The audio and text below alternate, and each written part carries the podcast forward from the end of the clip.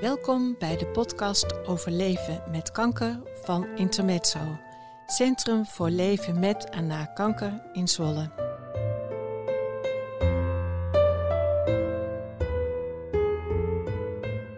In onze podcast vertellen mensen wat kanker in hun leven betekent, professioneel of privé. Vandaag zijn aan onze microfoons geschoven twee gasten die van ver komen. Heel erg welkom Pien de Ruig en dochter Tess van Lochtestein. Welkom Pien. Dankjewel, fijn dat we hier mogen zijn vandaag. Jij ook Tess, heel erg welkom bij ons. Dankjewel. Jullie gaan uh, een bijzonder verhaal vertellen. Dat is een persoonlijk verhaal, Pien, met name jouw verhaal. Uh, en dat gaat over kanker, want daar gaat ook deze podcast altijd over. En Tess, jij gaat ook jouw rol in hoe jullie het samen doen en wat jullie samen met name ontwikkeld hebben vertellen. Uh, Pien, um, jij bent degene, de moeder, die kanker heeft, heeft gehad. Kun je daar iets over vertellen? Jazeker. Ik heb zelfs drie keer kanker gehad. De eerste keer was in 2000. Toen waren de kinderen nog heel erg klein. Tess heeft, uh, komt uit een gezin met vier kinderen. Tess was toen uh, vier. En dan werd ik gebeld en waren de kinderen aan het spelen. En dan hoorden ze de hele tijd mama kanker, mama ziek. En ik vond dat verschrikkelijk. Dus dat telefoneren in die tijd vond ik heel indringend. Ik vond het niet prettig. De tweede keer was 2018. Toen had ik op exact dezelfde plek weer een uh, primaire tumor. Toen waren de kinderen, sommigen nog thuis, sommigen het huis uit. En op dat moment besloot ik om via een soort eh, pdf-bestand en een maillijst... om mijn netwerk te informeren hoe het met me ging. Eén keer in de drie, vier weken stuurde ik een berichtje uit. En de laatste keer, 2021, ehm, dacht ik, ik wil het anders doen. Want ik had geen zin in al die appjes, al die telefoontjes... het, het bezig zijn met die negatieve energie. Ja. Om te vertellen kanker, chemo... Dus toen besloot ik om mijn verhaal op één plek te delen. En iedereen die vroeg hoe het met me ging, zei: Kan je daar lezen? En um, ja, dat beviel eigenlijk heel goed.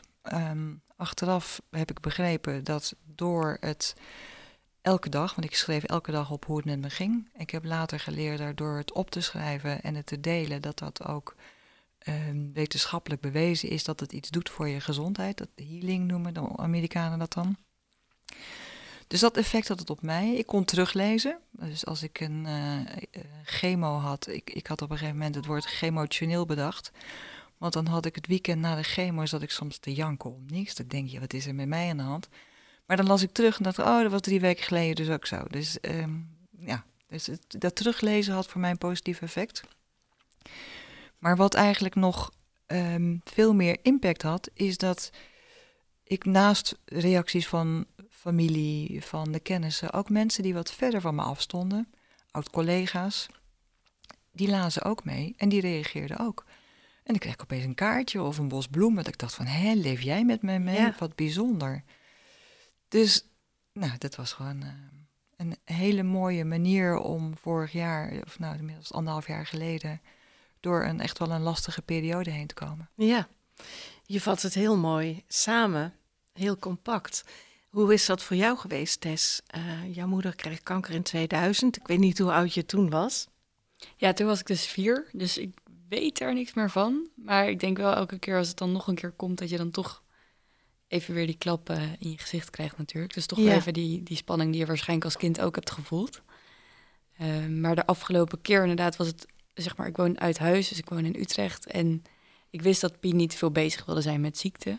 Uh, dus dat maakt het ook lastig om te bedenken wanneer kan ik nou vragen hoe het gaat. En ja, weet je, hoe, hoe heb je het er dan over als je het er eigenlijk niet veel over wil hebben, wat ik begrijp.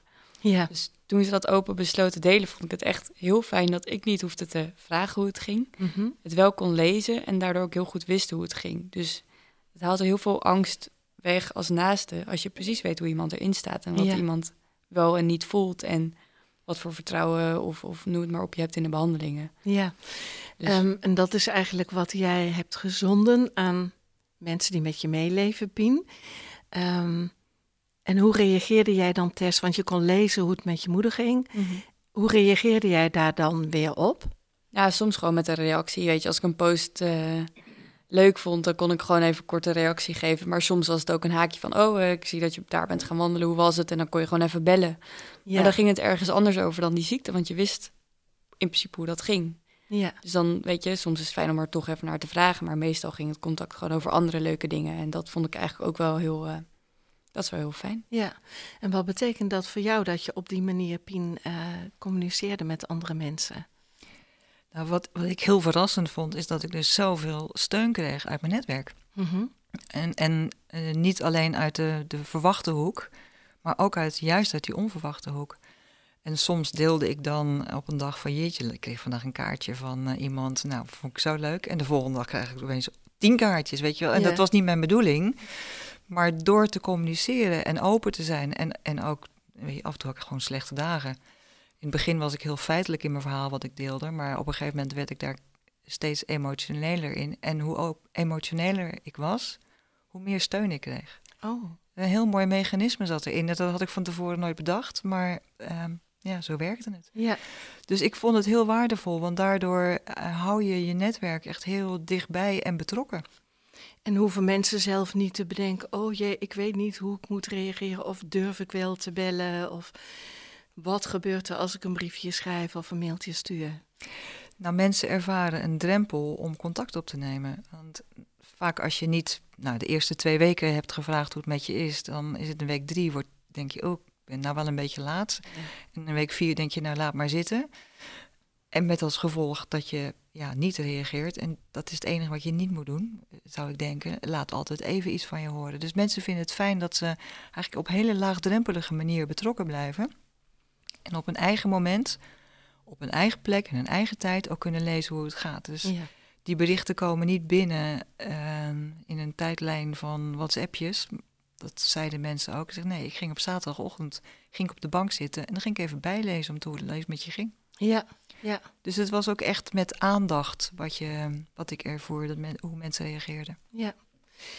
Um, dat hebben jullie niet voor jezelf gehouden. Je bent uh, door gaan denken en jullie hebben er iets voor alle mensen die te maken hebben met langdurig ziek zijn, of dat nou kanker is of iets anders, maar langdurig of chronisch of palliatief, in ieder geval er lang mee te maken hebben dat ziekte in hun leven is. Uh, daarvoor hebben jullie samen iets ontwikkeld. Um, Tess, ik ga jou uitnodigen om dat uh, uit te leggen. Wat is dat wat jullie ontwikkeld hebben? Ja, we hebben dus de app Stems ontwikkeld. Dus wel eigenlijk van postzegel. Stems, zoals je dat op zijn Engels, dus ja. stamps. Ja. ja. Ja, en dat is echt gebaseerd op het idee van hoe fijn het was om een kaartje of een bloemetje te krijgen. Dat iemand echt even de moeite neemt om iets te sturen. Uh, maar we hebben in feite een hele simpele app, een hele simpel maar veilige app live gezet. Waarin je iedereen die vraagt hoe het met je gaat kan uitnodigen om jouw verhaal te volgen. En op je eigen tijd, moment een post kan schrijven. Dus gewoon eigenlijk het antwoord op de vraag hoe is het of wat wil je delen. Je kan er een fotootje aan toevoegen en het komt dan in een heel overzichtelijk interface komen alle posts op een rij, kan je het makkelijk teruglezen. En dat is hetzelfde voor je netwerk die uh, jouw besluit volgen. Die krijgen een melding, dus die zien dat jij weer iets hebt gepost. En uh, die kunnen op een eigen moment besluiten om dat te lezen.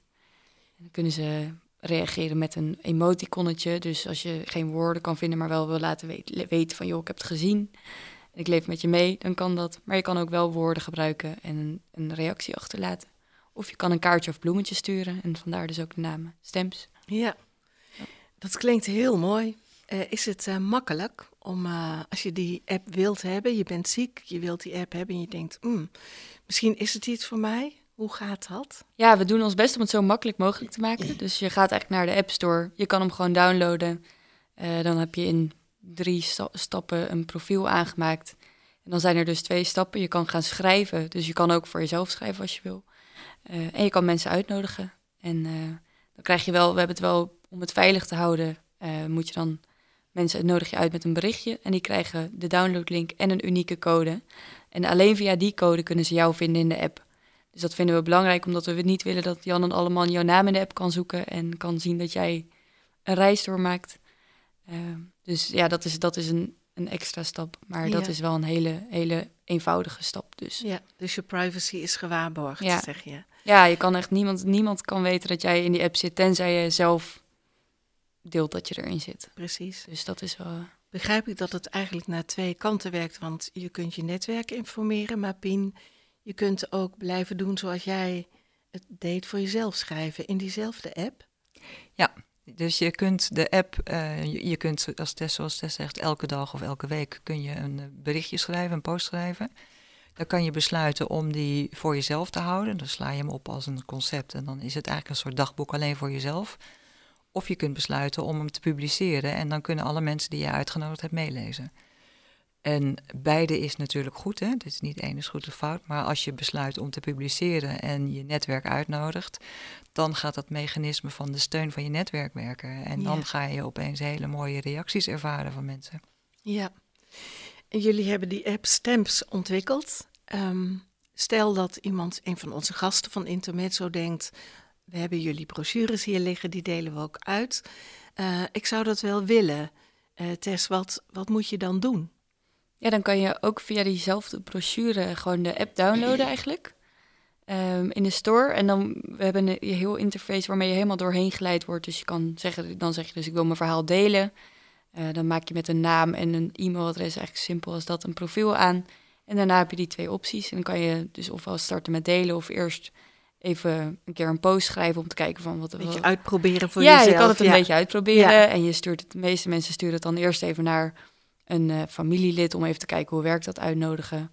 Nou, dan lukt het met zo'n match en dan denk je van, nou, dan ga ik ook in die groepsapp gooien. En dan kan je ze gewoon rustig aan je hele netwerk uh, uitnodigen en starten met schrijven. En dan ga je vanzelf wel ervaren hoe uh, fijn het is om het even van je af te schrijven en die lieve reacties te krijgen. Ja, en als iemand dat zou willen, zijn er kosten aan verbonden? Nee, wij willen de app gratis houden voor iedereen. En um, wij, wij, verdienen ons geld op een andere manier, of wij hopen in de toekomst ons geld op een andere manier te gaan verdienen. Want wat Tess al zei, je kunt in de app kun je een kaartje of een bloemetje sturen of een, eh, een boekje. Nou, er zitten een paar dingetjes in. En wij krijgen een klein percentage van elke kaart die verkocht wordt en van elk boek die verkocht wordt. En op het moment dat er genoeg mensen kaartjes gaan sturen naar een patiënt, is dat fijn voor de patiënt. En is dat fijn voor ons? Want daarmee komt de inkomstenstroom op gang waarmee we de app kunnen blijven ontwikkelen. Ja, precies. Uh, want hoe lang bestaat de app eigenlijk? In mei zijn we live gegaan, mei 2022. Dus we staan, bestaan nu acht maanden, negen maanden, zoiets. Ja. En hebben jullie zicht op hoeveel mensen er gebruik van maken? Ja, we zien, uh, we zien aan de achterkant allerlei statistieken. We kunnen niet zien wie wat deelt. Uh, dat willen we ook niet, want we willen gewoon dat het veilig is. Maar we zien aan de achterkant inderdaad hoeveel mensen het dan gedownload hebben. We zitten nu, we gaan richting de 4000 nu. Zo. Waarvan ongeveer 150 mensen het echt gebruikt om het te schrijven. Dus ofwel één keer per maand, ofwel uh, elke dag, ofwel elke, elke week. Mm -hmm. En die hebben dan gemiddeld een uh, volger of 30, 40. Ja, dus dat is een mooie steen die jullie in het water hebben gegooid en die nou zo wat kringen gaat veroorzaken. Ja. Um, maar er zijn natuurlijk wel investeringskosten voor jullie geweest, neem ik aan. Dat komt niet uit de lucht vallen, zo'n systeem. Nee, Tess en ik hebben allebei geïnvesteerd hierin. Dus wij uh, zijn ook ja, ondernemers van een start-up eigenlijk. Hè? Ja, precies. Dus dat is best wel spannend. Ja. ja. En worden jullie ook ondersteund links of rechts door, ik noem maar iets, KWF of iets anders? Nou, daar, daar zijn we nu mee bezig om te kijken welke partijen ons ter overbrugging totdat het verdienmodel echt gaat werken willen steunen. En zo hebben we vorige week een publieksprijs gewonnen van een uh, groot fonds in Nederland, van de Ignite Award. Uh, nou, dat is natuurlijk fantastisch, want dat is, uh, dat, dat is niet alleen financiële bijdrage, maar door die publieksprijs hebben we ook kunnen, bekendheid kunnen krijgen, weer PR gekregen. En weten ook weer mensen, meer mensen dat wij bestaan. Ja, fantastisch dat ja. uh, dat gelukt is. Hè? Ja, leuk. Ja, zo leuk. We hebben ja. van onze kant ook behoorlijk wat uh, mensen proberen op te porren. Uh, ook heel erg leuk, want we hebben het bestaan van de app gedeeld natuurlijk binnen Intermezzo. voor onze gasten, maar ook voor onze vrijwilligers. En af en toe liep er iemand binnen die zei: Ik heb gestemd hoor. En dat was zo ontzettend leuk. En door dat te doen gingen mensen ook naar de brochure vragen: van... hé, hey, wat is dat nou eigenlijk precies? Um, en daardoor gaat het natuurlijk ook een beetje beter rond. Hè? Als onze vrijwilligers het weten, kunnen ze de gasten informeren. En dat begint hier klein bij Intermezzo in ons kringetje, maar dat zal zeker in veel kringen gebeuren. En je gunt het mensen ook gewoon dat het zo gaat. Nou, dat zeg je goed. Ja, precies. De ervaring die, die ik heb dan gehad met, met mijn emotionele reis, zo noemen we het dan, hè, afgelopen jaar. En de steun die je kreeg uit mijn netwerk, dat gunnen we iedereen. Want we, nou, Tess heeft een jaar geleden, voordat we aan ons avontuur begonnen, heeft ze vrij uitgebreid onderzoek gedaan via de Universiteit van Utrecht nog, bij allerlei soorten ziektebeelden. En wat je leest en hoort, en zij ook hoorden, is dat ook mensen eenzaam raken in zo'n traject. En dat is natuurlijk echt wat je niet wil. Nee, precies. Dat kun je er niet bij hebben. Dat kan je er niet bij hebben. Tess, wat voor onderzoek was dat? Vanuit welke optiek heb je dat gedaan? Ja, dat heet dus een soort validatieprogramma was het. En dat komt er eigenlijk op neer van voordat je een idee gaat, hè, meteen gaat bouwen en al die kosten investeert. Eerst eens even kijken wat voor problemen mensen ervaren en hoe ze zo'n tijd doormaken in mijn geval. Dus toen heb ik uh, volgens mij 25 mensen geïnterviewd in allerlei ziektebeelden en echt wel uitgebreid gesproken over hoe communiceerde je, wat voor steun er voor je en uh, weet je waar, waar liep je tegenaan, wat ging goed, wat was fijn. En dat gaf dus heel veel inzicht ook in, inderdaad in de zin van als je het dus niet open deelde, dat je ook na een half jaar toch wel, uh, zit je nog steeds in dat traject en dan zit je veel thuis en dat je dat dan toch wel heel eenzaam kon zijn.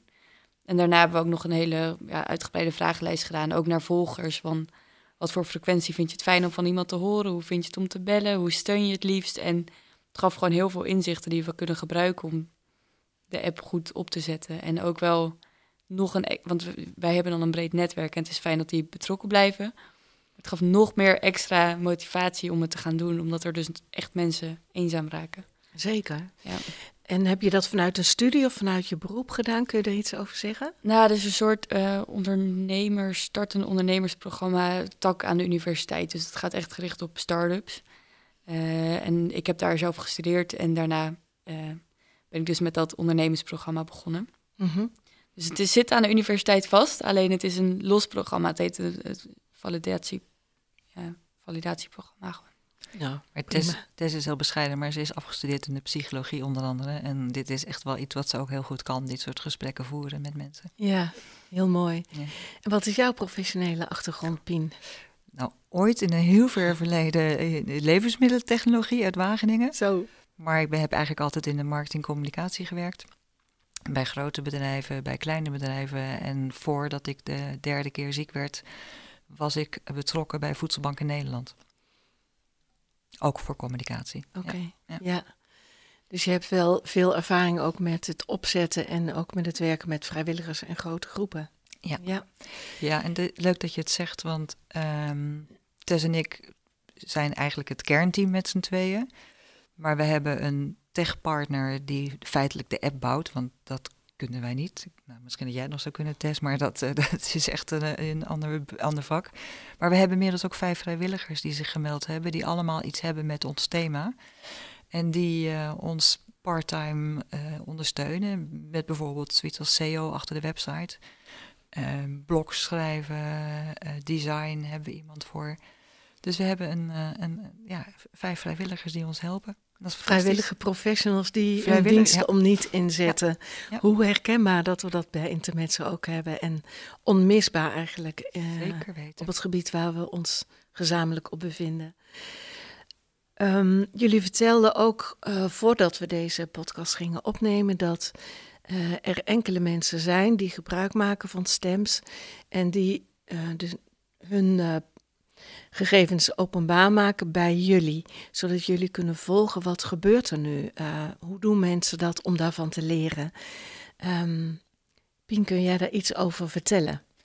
Ja, dat zijn mensen die um, zich eigenlijk gemeld hebben als ambassadeur.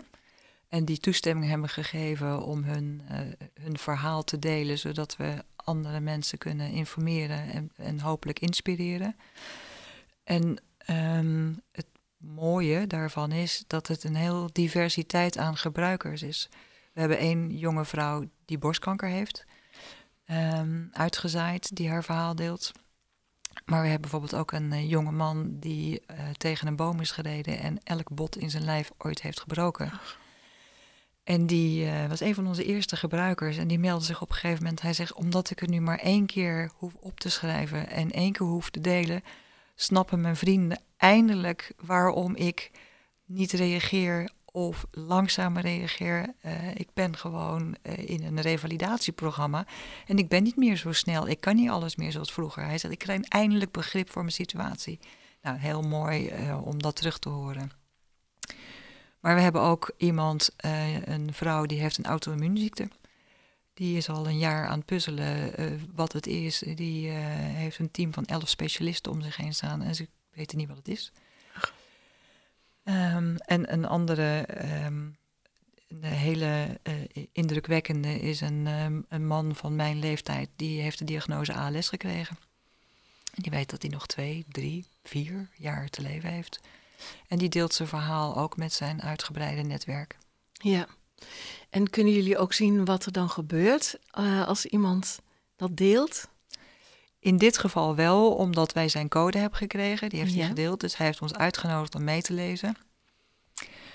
En dan, hij schrijft echt hele mooie verhalen. Ook hij, hij is ook een uitgever, dus het is ook een beetje zijn vak.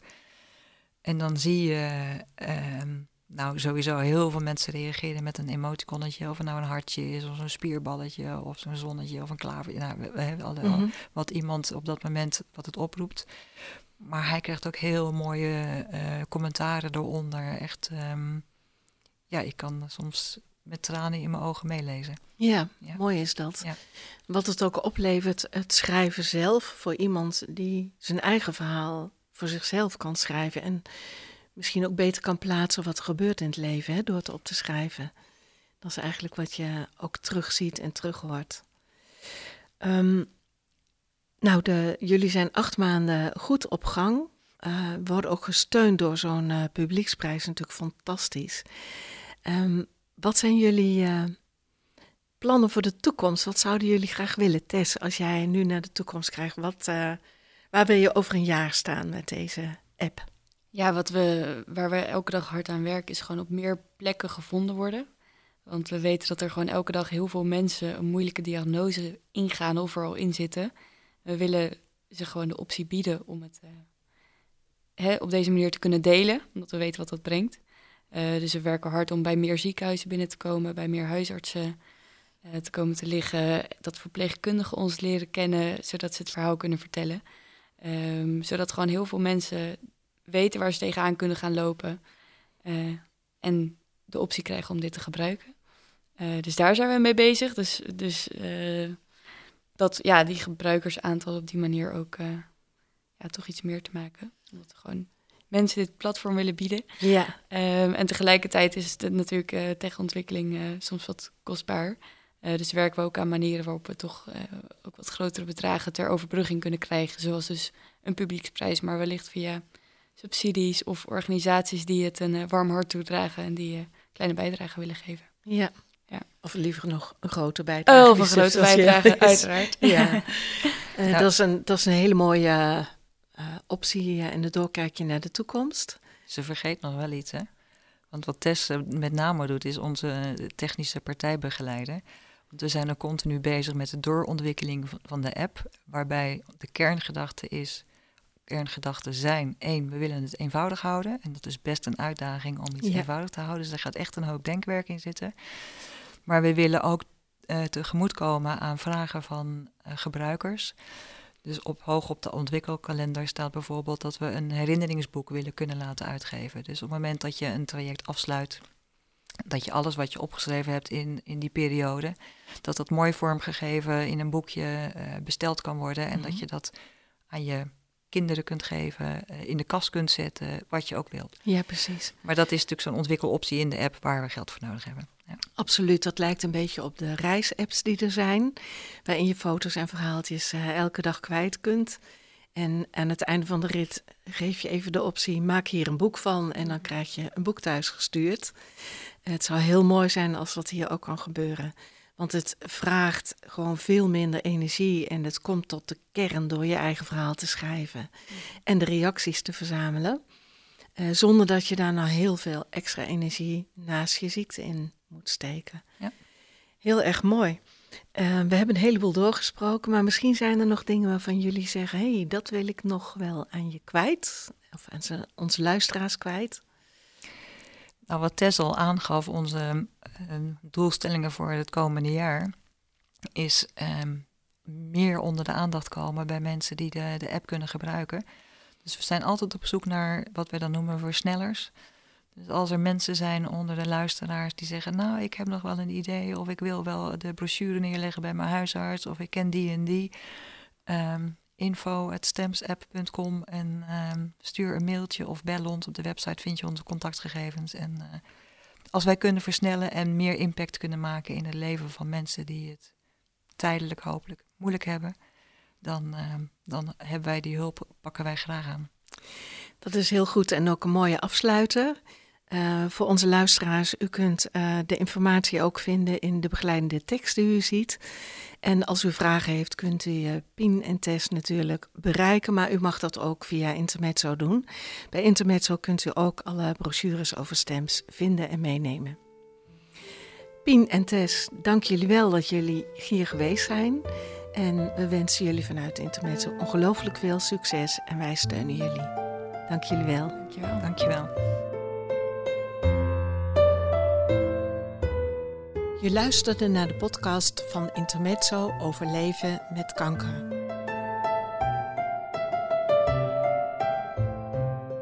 Wil je meer weten? Kijk op onze website www.intermezzo-zwolle.nl. Elke maand is er een nieuwe podcast. We bedanken iedereen die heeft meegewerkt aan de totstandkoming van al onze podcasts.